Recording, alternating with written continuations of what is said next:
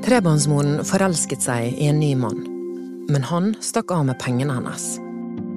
Nå er han dømt for grovt bedrageri, og det var selvmordsbrevet hennes som avslørte han.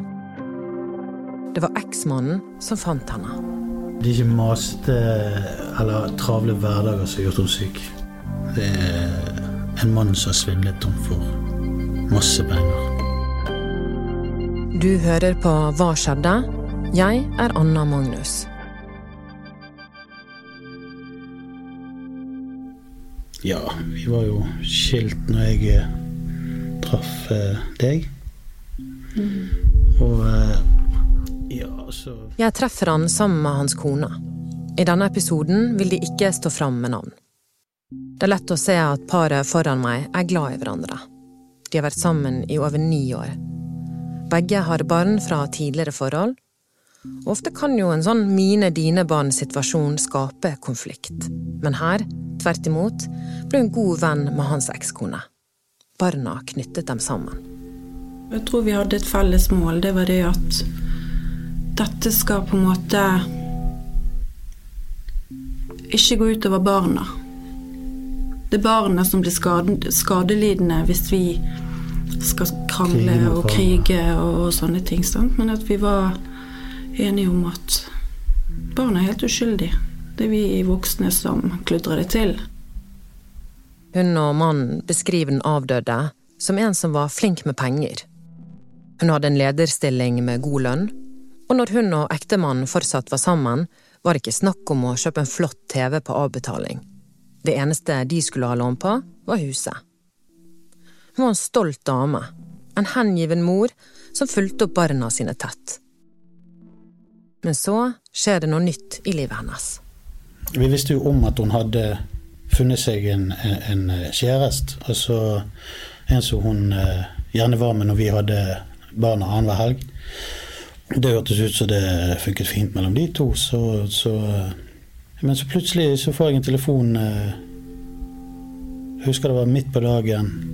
Jeg var på jobb. Hun merker at noe ikke stemmer, og trenger hjelp fra eksmannen. Hun spør da om jeg kjenner han her eh, nye kjæresten sin. Og jeg da får vite hvem han er, og, og eh, jeg vet hvem han er på navn, men eh, jeg aner jo ikke hvordan Altså dette En person som jeg egentlig ikke kjenner, jeg bare vet hvor han bor, og, og, Eller hvor han er vokst opp, og hvem jeg kanskje kan høre med for å finne ut av hvem, altså hva dette mennesket er. Han bestemmer seg for å kontakte felles bekjente, og finner ut at bedrageren er vokst opp i en av forstedene til Bergen. Han beskrives som en fyr som er vakker, atletisk og går i dyre merkeklær. Han hadde skyldt mye penger. Han eh, virket litt småkriminell. Eh, det var kanskje ikke en du ønsker at en ekskone, altså mor til dine barn, skal eh, innlede et forhold med. Og det tok jeg videre til, til hun. Og jeg spør faktisk, for jeg regner jo med at eh, de sender meldinger til hverandre om hun vil at jeg skal ta kontakt. Der jeg får egentlig grei beskjed om at ikke ta kontakt. Dette fikser jeg sjøl. Hun er uviten om at kjæresten flere ganger er tidligere dømt for grovt bedrageri. Tidligere ofre av mannen beskriver en nesten identisk fremgangsmåte på hvordan han lurte til seg penger. Han går god for en kamerat som har lånt penger av noen skumle typer. Kameraten har ikke klart å betale gjelden, og nå er disse skumle, kriminelle folkene ute etter han. Om han ikke betaler tilbake, kan han bli drept. Men han venter på en stor arv fra faren. Kunne han ikke få låne penger inntil disse blir utbetalt? Kvinnene tar ut store kontantbeløp og pådrar seg mye gjeld. Kort tid etter forsvinner mannen ut av livet deres.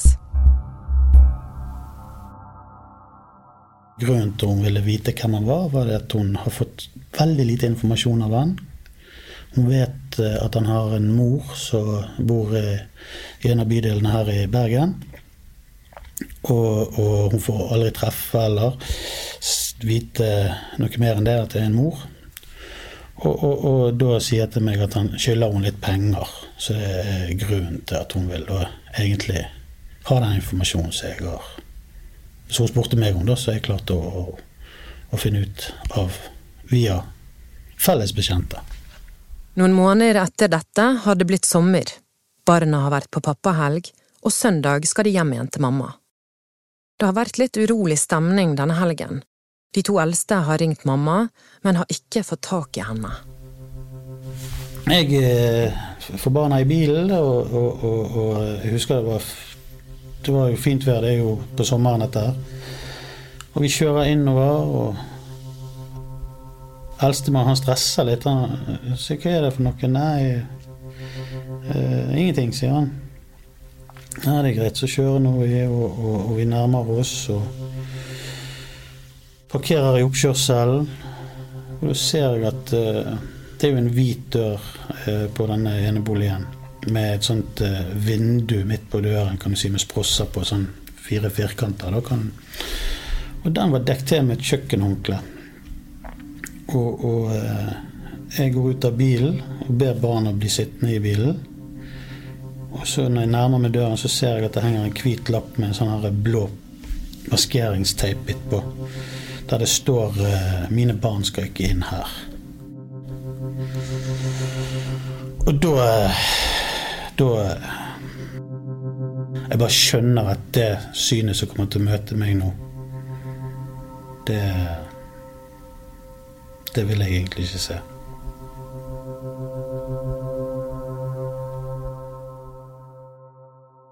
I avskjedsbrevet hadde hun et detaljert regnskap på hvor mye hun hadde lånt kjæresten. I brevet skriver hun at måten han lurte henne på, har knust henne i tusen biter. Hun kunne aldri se barna sine i øynene etter dette. Under soveputene til barna hadde hun lagt en lapp til hver av de hvor det sto Jeg elsker deg. Jeg kommer aldri til å glemme den dagen når de kommer tilbake i bil hvor alle barna sitter der. Og det synet når han kjører inn, eller de kjører inn på plassen hjemme Det bare brent fast i meg, for det var, det var så hjerteskjær. Det var så jævlig.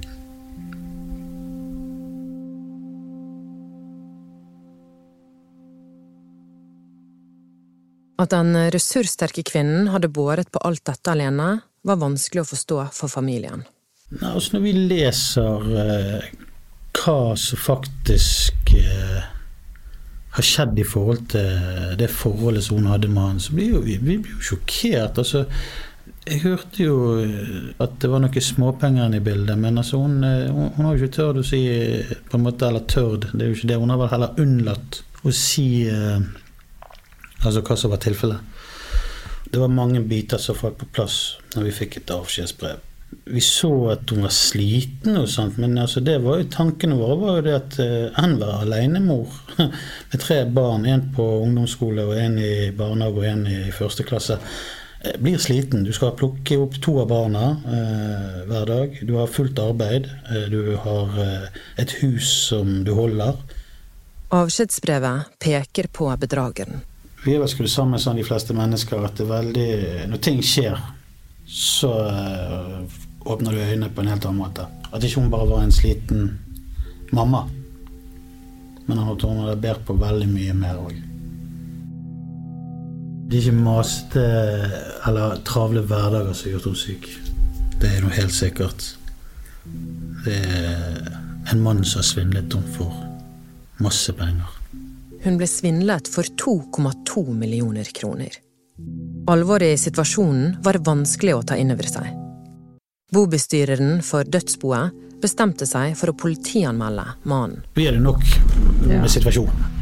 Og vi, vi, var jo faktisk i de tanker òg at uh, vi må jo bare ligge lavt i forhold til vi Dette anmelder vi ikke. Uh, for å sitte det helt på spissen. Så var vi redd for at hvis vi begynte å gjøre noe nå, kunne vi risikere å få folk hjem som ikke vi ønsket å få hjem, hvis du skjønner meg. Så jeg er veldig glad for at noen tok fatt i det. For det, i dag så er det ikke gitt at eh, en svindler som blir anmeldt, han får gjerne ikke dom engang. Saken blir henlagt. Og her har du, et, her har du en sak som faktisk har vært gjennom to instanser nå, der han har blitt dømt begge ganger. Og eh, politiet har gjort en fantastisk jobb med tanke på at ikke det er blitt henlagt. For de har jo tatt inn vitner som faktisk eh, kan fortelle at dette har skjedd med de òg. Det er ikke en førstegangssak, dette. Dette er ikke noe han har gjort én gang. Dette har han gjort flere ganger. I dommen mot mannen står det. Det er bevist utover enhver rimelig tvil at tiltalte hadde forledet fornærmede ved å spille på hennes følelser. Og han har diktet opp en historie som skulle få henne til å tro at pengene ville bli betalt tilbake. Retten påpeker også at det er skjerpende at han er dømt ni ganger før, blant annet for tilsvarende forhold. Vi kunne godt tenkt oss å lagt denne saken bak oss, vi. Men uh, det som er, er at uh, per i dag så har vi lært at eh, en svindler blir dømt og får en dom der han må betale erstatning til ofrene.